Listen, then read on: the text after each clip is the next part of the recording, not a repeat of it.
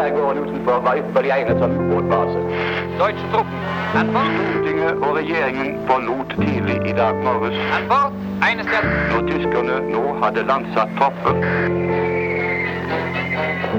Alle ble sett på prøve. Ingen slapp unna. Jeg heter Inga Sletten Koloen, og jeg har skrevet Vi må ikke falle, første bind i serien Under krigen.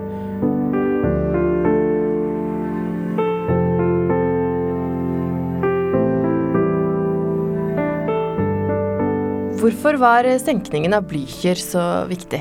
Det skal jeg etter hvert svare på, men aller først så må jeg gi et bilde av Norge mandag 8. april 1940. Det bodde nesten tre millioner mennesker eh, i Norge. Mange, mange bodde langs eh, kysten. Og jeg skildrer da mange av de her menneskene, eh, slik at leserne skal bli kjent med dem. Vi hadde allerede mista mange, mange sjøfolk i sjøkrigen rundt omkring på verdenshavene. Men i, hjemme i Norge så trodde nesten alle og håpa at vi skal klare oss å helle oss utafor også denne nye eh, krigen. 8. april var det en kolossal spent stemning i Arbeiderpartiregjeringen og i Stortinget. Eh, men de kasta ikke fryktsomme blikk mot Tyskland først og fremst, men mot England. Fordi at natt til 8. april, da hadde britene nemlig minelagt noen norske forvann, for, øh, noen norske da, sjøfarvann, for å hindre at tyske øh, krigsskip skulle bruke den norske skip, øh, skipsleia. Og politikerne, de brukte absolutt hele dagen på å debattere hvordan de skulle tvinge britene til å fjerne minene i sjøen. Og imens så kom de tyske krigsskipa nærmere og nærmere eh, norskekysten. Og det mangla ikke på varsler. Eh, jeg forteller i boka om eh, flere av dem, men det var ingen, verken politikere eller militære, som klarte å sette sammen disse her puslebitene i varslene og forstå at en tysk invasjon, den var nå bare timer unna. Og som kvelden, da, 8. april, da gikk Norge eh, til sengs. Og eh, jeg da eh, hvordan Norge bokstavelig talt sov seg inn i den største katastrofen som hadde ramma landet og folket siden svartedauden. Og Blücher var også en av de tyske skipene som nå hadde kurs mot Norge. Hva slags skip var dette? Det var et av de mange skipene, ca. 60 skip, som invaderte Norge. Og for, for, tyskerne gikk jo mot Narvik, de gikk mot Trondheim, de gikk mot Bergen, de gikk mot Stavanger, Kristiansand og flere andre byer, pluss sjølsagt Oslo, som var hovedmålet.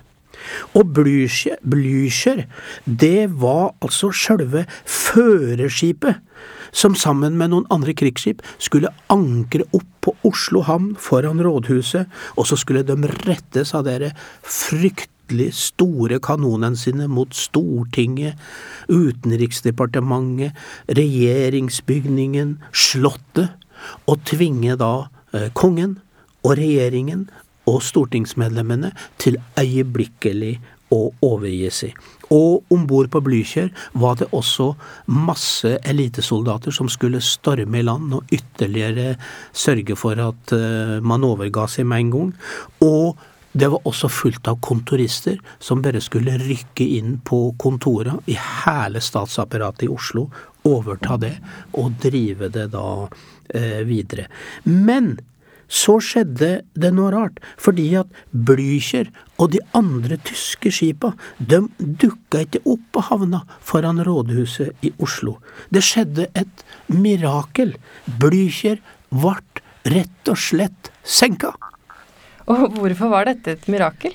Det gjør jeg veldig grundig greie for eh, i boka. Jeg kan kort forklare her. Under første verdenskrig hadde altså både Tyskland og Storbritannia sikla på Norge. pga. kysten. Men en av grunnene til at de holdt seg unna, var at i 1914, da krigen brøt ut første gang, da hadde Norge en veldig sterk marine, og vi hadde masse nye, moderne krigsskip, og vi hadde kraftige kystfestninger utafor alle de viktige byene. For, rett og slett fordi at etter løsrivelsen fra Sverige, så måtte vi bygge opp Forsvaret. Det var en del av norsk identitet, og vi måtte forsvare oss. Eh, men da freden kom i 1918, etter den første krigen, så begynte ulike regjeringer å bruke mer og mer penger på å bygge landet. Man rett og slett ignorerte militærvesenet. Hæren og marinen og kystvesenet, det forfalt veldig fort. Og det norske forsvaret i 1940, det var blant Europas dårligste, kanskje det dårligste i hele eh, Europa. Og i motsetning til Tyskland, da, som hadde brukt enorme millioner på millioner på å ruste opp. Hitler rusta jo opp for å overta store deler av Europa, det var jo hans plan. Og, og bare Blücher, da, dette herre krigs, krigsmaskina som seilte inn og skulle få de norske myndighetene til å overgi seg. Det var altså den tyske flåtens stolthet. Og bare dette skipet alene, det hadde kosta like mye som fem norske forsvarsbudsjetter Det er det stevna inn Oslofjorden, som jo blir smalere og smalere. Og ved Drøbak så vet vi at Oslofjorden er så smal at der øh, ble det jo anlagt en festning på midten av 1800-tallet, Oscarsborg, for å stoppe skip som vil gå inn i den norske hovedstaden. Og, øh, og der var det altså et par eldgamle kanoner de var fra 1892. Og de kanonene, de var håndtert av noen karer som hadde absolutt alle odds mot seg. Og det var torpedobatterier der, med gamle torpedoer. Og så skjer da denne her utrolige historien at eh, de klarer å senke altså Hitlers marine stolthet. Og det har vært, det har vært ei sann fryd å dukke ned i alle de her historiene. Folk har jo fortalt som var med der, og vi har liksom oberst Eriksen, som er den som av, gir ordre om å avfyre skuddene uten at han har hørt et pip fra regjeringen om at han skal forsvare landet. Og altså, en, det er jo det er jo en av de store, store fortellingene i krigshistorien. Og det som det dette betyr, er jo at kongen, regjeringen og stortingsrepresentantene de blir ikke fanga av tyskerne og må overgi landet. De rekker med en par-tre timers margin å rømme fra Oslo oppover eh, i første omgang eh, Hedmarken.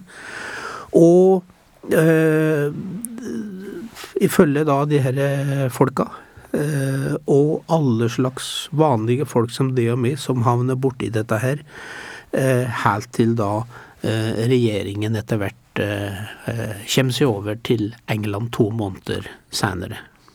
Og en av disse politikerne som rakk å rømme, det var utenriksminister Halvdan Koht, som både fascinerer og skremmer og forundrer, slik du fremstiller han i boken.